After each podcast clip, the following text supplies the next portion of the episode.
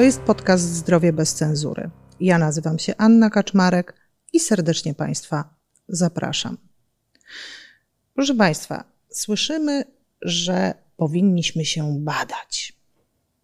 Profilaktycznie powinniśmy się badać. Powinniśmy się badać, jak podejrzewamy, że coś jest z nami nie w porządku.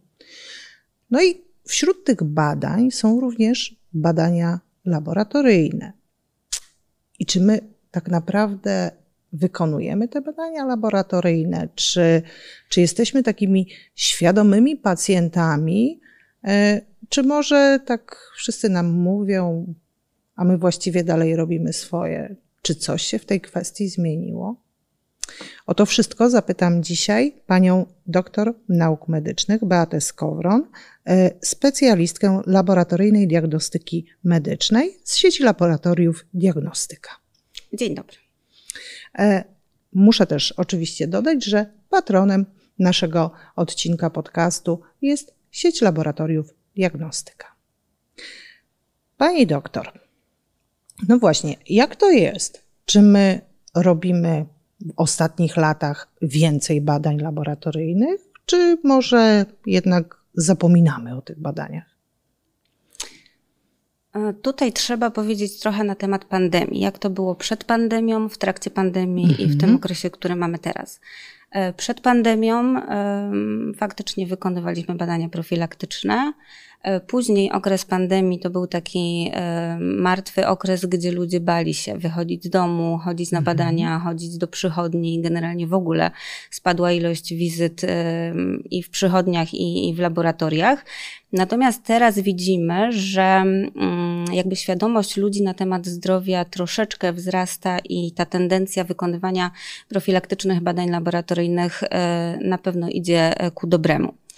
E, jeżeli chodzi o e, badania laboratoryjne, to w okresie pandemii głównie e, ludzie diagnozowali się pod kątem zakażenia wirusem COVID-19, natomiast teraz ta tendencja się zmienia i faktycznie są to takie ogólne badania profilaktyczne typu morfologia, mocz, glukoza, cholesterol.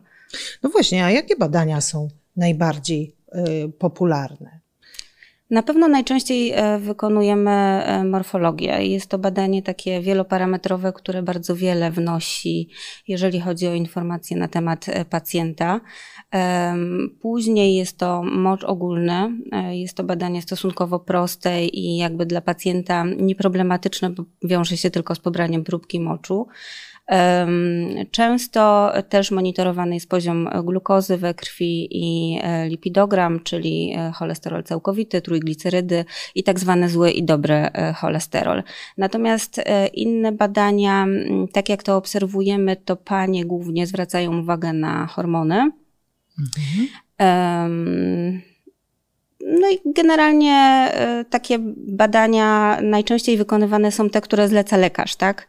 E, mhm. Czyli jednak e, ta diagnostyka laboratoryjna prywatna no, nadal nie jest na jakimś wysokim poziomie, bo po prostu ludzie wolą korzystać ze skierowania od lekarza, natomiast lekarz też ma ograniczoną ilość możliwości, jeżeli chodzi o zlecenie badań laboratoryjnych. A co powinniśmy częściej badać, Pani zdaniem? To znaczy, jakie, jakie badania w tym zestawie badań najpopularniejszych i patrząc, nie wiem, no, na to, z czym mamy problem, jeśli chodzi o, e, o chorowanie w Polsce, to, mhm. to czego tam brakuje? E, znaczy tak, na pewno musimy podzielić jakby osoby, które powinny się badać na dwie grupy, osoby młodsze i osoby starsze. Mhm. Ja tutaj tak podzieliłabym osoby powiedzmy od 20 do 40 roku życia i po 40 roku życia. E, po 20 roku życia powinniśmy zacząć, tak, tą profilaktykę mhm. E, i diagnostykę laboratoryjną. I to powinny być takie standardowe badania wykonywane, jeżeli się oczywiście nic nie dzieje, mhm. powiedzmy raz na dwa, na trzy lata. I to powinien być e, faktycznie mocz ogólny, morfologia, poziom glukozy we krwi i, i lipidogram. Mm, tutaj oczywiście nie możemy zapomnieć o takich rzeczach, które też młoda osoba powinna monitorować, czyli stanu zębienia, bo ona również wpływa na stan naszego organizmu. E, natomiast po 40 roku życia na pewno tą e, diagnostykę e, laboratoryjną powinniśmy nasilić i nie wykonywać tych badań raz na 3 lata, tylko mhm. na przykład już raz do roku. No bo wiadomo, że wtedy organizm ten sam zaczyna... zestaw, tak, co, tak. Co po Taki 20. podstawowy mhm. zestaw. No tutaj oczywiście też powinniśmy kierować się tym, co lekarz zaleci, tak? No bo um, dla nas te podstawowe badania to jest morfologia faktycznie, glukoza, lipidogram, e, mocz ogólny, natomiast tutaj lekarz może zalecić mhm. inne parametry, e, na przykład, nie wiem, poziom hormonów tarczycowych właśnie ze względu na to, że coraz częściej słyszy się, że występuje niedoczynność tarczycy, tak, którą niekoniecznie musimy e, kojarzyć z naszymi objawami. Mhm. Także tutaj jakby ten zestaw powinien być dostosowany do wieku i również częstotliwość powinna być dostosowana do wieku. No dobrze, a gdybyśmy tak chcieli mm, taką pełną profilaktykę prowadzić, być tacy mm, świadomi, tak? Nie to takie, nie taka podstawa i konieczność, tylko gdybyśmy chcieli dla siebie zrobić więcej, to co tam moglibyśmy jeszcze dołożyć? E, tutaj na pewno musimy sobie też profilaktykę podzielić na pewne rodzaje profilaktyki, mhm. bo badania laboratoryjne to są taką profilaktyką już, że tak powiem, na końcu. Wtórną. Wtórną, dokładnie. E, profilaktyką jest e, jakby styl życia, czyli e, ruch fizyczny, odpowiednia dieta, unikanie czynników ryzyka, czyli na przykład rezygnacja z palenia papierosów, z picia alkoholu, przebywanie odpowiednią, w odpowiedniej ilości na słońcu. Tak? To jest mhm. taka jakby pierwotna profilaktyka, którą powinniśmy, że tak powiem, od najmłodszych lat wdrażać w swoje swoje życie i faktycznie to jest forma takiej e, najtańszej, ale też e, przynoszącej najwięcej korzyści profilaktyki. E, w dalszej kolejności profilaktyka to powinny być szczepienia, to powinny być właśnie regularne wizyty u stomatologa, regularne wykonywanie badań cytologicznych, czyli generalnie to, co gdzieś tam jest wpisane w kalendarz naszych wizyt profilaktycznych mhm. u lekarza. Natomiast dopiero tak naprawdę na samym końcu powinna być ta profilaktyka związana z badaniami laboratoryjnymi. E, I jeżeli byśmy chcieli tak całościowo przeglądnąć swój organizm, no to mhm. zaczynając od e, tarczycy, no to tutaj mówimy o poziomie e, hormonu TSH, FT3, FT4 mhm. i ten zestaw badań nam pokaże, czy mamy niedoczynność, czy nadczynność tarczycy, czy też tarczyca pracuje w prawidłowy sposób. Później taki ogólny stan organizmu pokaże nam morfologia. Mhm. Mm, wątrobę sprawdzimy wykonując próby wątrobowe. Mhm. Nerki e, zmonitorujemy wykonując badanie kreatyniny, przy okazji którego wyliczany jest współczynnik filtracji kłębuszkowej. Mhm. E, dodatkowo o nerkach wiele informacji zdradzi nam właśnie badanie ogólne moczu. Mhm. Natomiast jeżeli chodzi jeszcze o sprawdzenie na przykład, czy w naszym organizmie toczy się stan zapalny, to są dwa takie e, parametry e, CRP i OB. Mhm. A jeśli jest coś takiego e, w diagnostyce laboratoryjnej jak markery nowotworowe na przykład, to w jakichś szczególnych sytuacjach wykonuje się te badania, czy, czy to też można tak sprawdzająco robić? No właśnie tutaj chciałam troszeczkę może rozwiać e, te informacje, które najczęściej dotyczą markerów nowotworowych, bo często jest tak, że osoby idąc na badania po prostu zlecają sobie prywatnie na własną rękę markery mhm. nowotworowe. No jest to bardzo zła decyzja, szczególnie dlatego, że markery nowotworowe niekoniecznie podnoszą się w trakcie procesu nowotworowego. One mogą mhm. E, podnosić się w trakcie miesiączki, e, w trakcie przewlekłych stanów zapalnych, dróg rodnych, przewodu pokarmowego, czyli jakby wzrost stężenia markera nowotworowego niekoniecznie będzie związany z procesem nowotworowym. Mhm. I jeżeli e, będziemy mieć podwyższone stężenie markera nowotworowego, to tak naprawdę stworzymy sobie bardzo stresującą sytuację, Dokładnie. bo niekoniecznie on będzie związany z procesem nowotworowym. Na przykład e, takim markerem nowotworowym faktycznie wykorzystywanym do e, przesiewu i, i znalezienia nowotworów u mężczyzn jest PSA. E, I faktycznie to badanie ma sens, wykonywane powiedzmy raz w roku, z tym, że powinno łączyć się z tym, że mężczyzna powiedzmy powyżej 40 roku życia udaje się do urologa i e, ten wynik zestawiany jest z badaniem urologicznym. Natomiast tutaj panowie no niekoniecznie wiedzą, że na przykład PSA podnosi się po stosunku, że podnosi się po jeździe na rowerze i jeżeli pójdą w nieodpowiednim czasie na takie badanie, no to też mogą wyjść, że tak powiem, z nieprawidłowym wynikiem i z bardzo stresującą sytuacją. Także markery nowotworowe e, zleca się na chwilę obecną e, wtedy, kiedy jest podejrzenie nowotworu, mhm. kiedy jesteśmy już na etapie diagnostyki, bo tak naprawdę ten marker nowotworowy najczęściej służy e, monitorowaniu terapii i e, ocenie, czy następuje wznowa. Natomiast w mhm. profilaktyce no nie do końca te markery nowotworowe się sprawdzają. Poza PSA oczywiście. Mhm. E, a jakie badania, mm, tak jak u Państwa na przykład, e, oczywiście w diagnostyce, Jakie badania wykonywane są najrzadziej? Czy to są jakieś bardzo skomplikowane, na przykład badania, które, które gdzieś tam macie Państwo w, w swoim portfolio?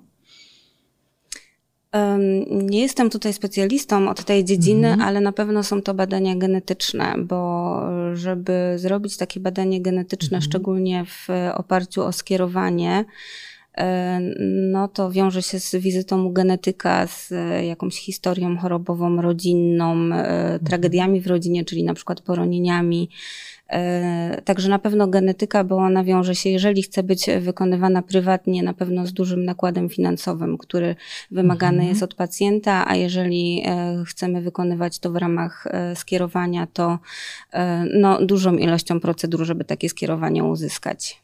Mhm. A czy taka oczywiście dobra, zdrowa moda na zdrowy styl y, życia wpływa mm, na ilość badań wykonywanych y, chociażby u Państwa? Jak najbardziej. E, coraz częściej obserwujemy, że pacjenci, którzy są klientami dietetyków, e, zgłaszają się na badania laboratoryjne, bo po prostu są przez dietetyków na nie wysyłani. E, to wiąże się z tym, że dietetyk kliniczny, który mm, układa dietę, on musi wiedzieć, czy pacjent, który będzie stosował daną dietę, będzie tą dietę stosował po to, żeby schudnąć, czy po to, żeby leczyć daną chorobę, bo diety też mają takie właściwości. I te badania e, mają za zadanie wykryć na przykład niedobory, które w trakcie diety mogą być uzupełnione, czy też przez samą dietę, czy też na przykład mhm. przez dodatkową e, suplementację. I tutaj e, jakby też staramy się wychodzić naprzeciw klientowi, dlatego że czasem jest tak, że pacjent no nie do końca wie, jakie badania ma sobie zrobić. E, więc na przykład mamy specjalny zestaw skomponowany przed dietą i on właśnie zawiera podstawowe badanie krwi, czyli morfologia, ale też uwzględnia poziom witamin w organizmie, e, poziom żelaza, czyli e, takie informacje, które dietetyk będzie mógł wykorzystać przy układaniu diety. Mhm. A no bo dieta to jest jedno, drugie to jest sport, prawda? Mhm. Czy, czy osoby, które uprawiają sport, mają dużo aktywności y, fizycznej i również przychodzą się badać. I co one badają? Przychodzą się badać ze względu na to właśnie, żeby monitorować efekty y, swoich treningów. Jeśli chodzi y, o panów, to jest to poziom testosteronu, mhm. bo jakby treningi możemy podzielić na dwa rodzaje, tak? E, są treningi wytrzymałościowe, które nie podnoszą poziomu testosteronu, natomiast treningi siłowe podnoszą poziom testosteronu i tutaj jakby panowie chcą wiedzieć, tak? Na, na ile ten trening działa i w jakim stopniu e, ten testosteron się podnosi. Oczywiście większość e, ludzi uprawiających sport jest e, świadomych wpływu wysiłku fizycznego na ich zdrowie, więc no, oni wykonują regularnie te podstawowe badania laboratoryjne. Natomiast tutaj chciałam zaznaczyć, że osoby, które e, wykonują, e, uprawiają sport, to są osoby, które e, mogą być nie do końca świadome wpływu tego sportu na ich zdrowie, tak? Mhm proszę sobie wyobrazić, że sportowcy mają na przykład zwiększone ryzyko występowania anemii. E, to są osoby, które wytracają z potem duże ilości żelaza, w związku z tym mogą e, mieć anemię z niedoboru żelaza i jakby e, zmęczenie ich na co dzień, które gdzieś mogą utożsamiać się z treningami, faktycznie może być spowodowane anemią i tym, że ich dieta nie jest dostosowana do ich wysiłku fizycznego. Czyli oni jak najbardziej powinni rzeczywiście. Powinni się badać, mhm. tak. Powinni się badać, powinni zwracać uwagę e, na to, jakie objawy im e, towarzyszą, powinni świadomie układać swoją dietę. Tutaj podam taki przykład, że na przykład mhm.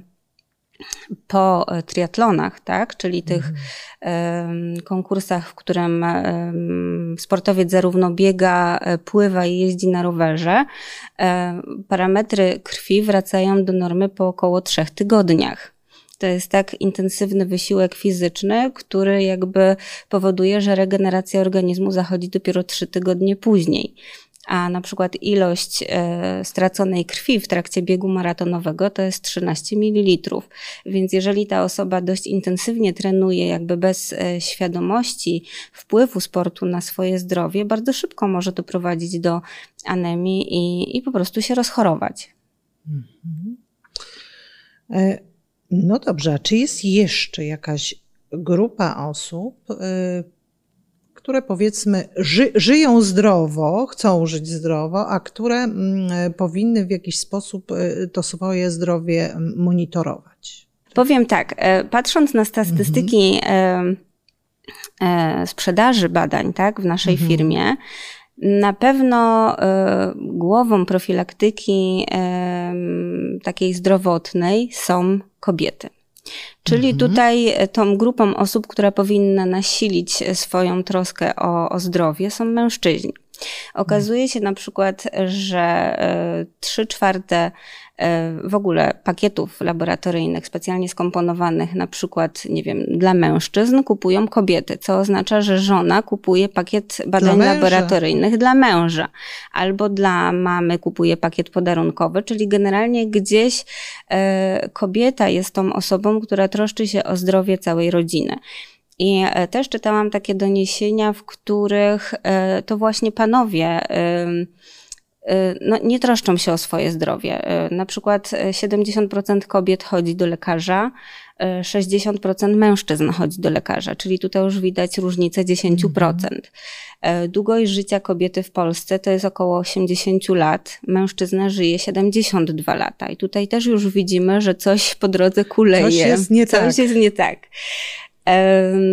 Co jeszcze obserwujemy? Że kobiety dużo bardziej przykładają wagę do diety, e, dużo bardziej przykładają wagę właśnie do ćwiczeń fizycznych. Mężczyźni, 25% mężczyzn jest otyłych, e, u kobiet jest to około 20%.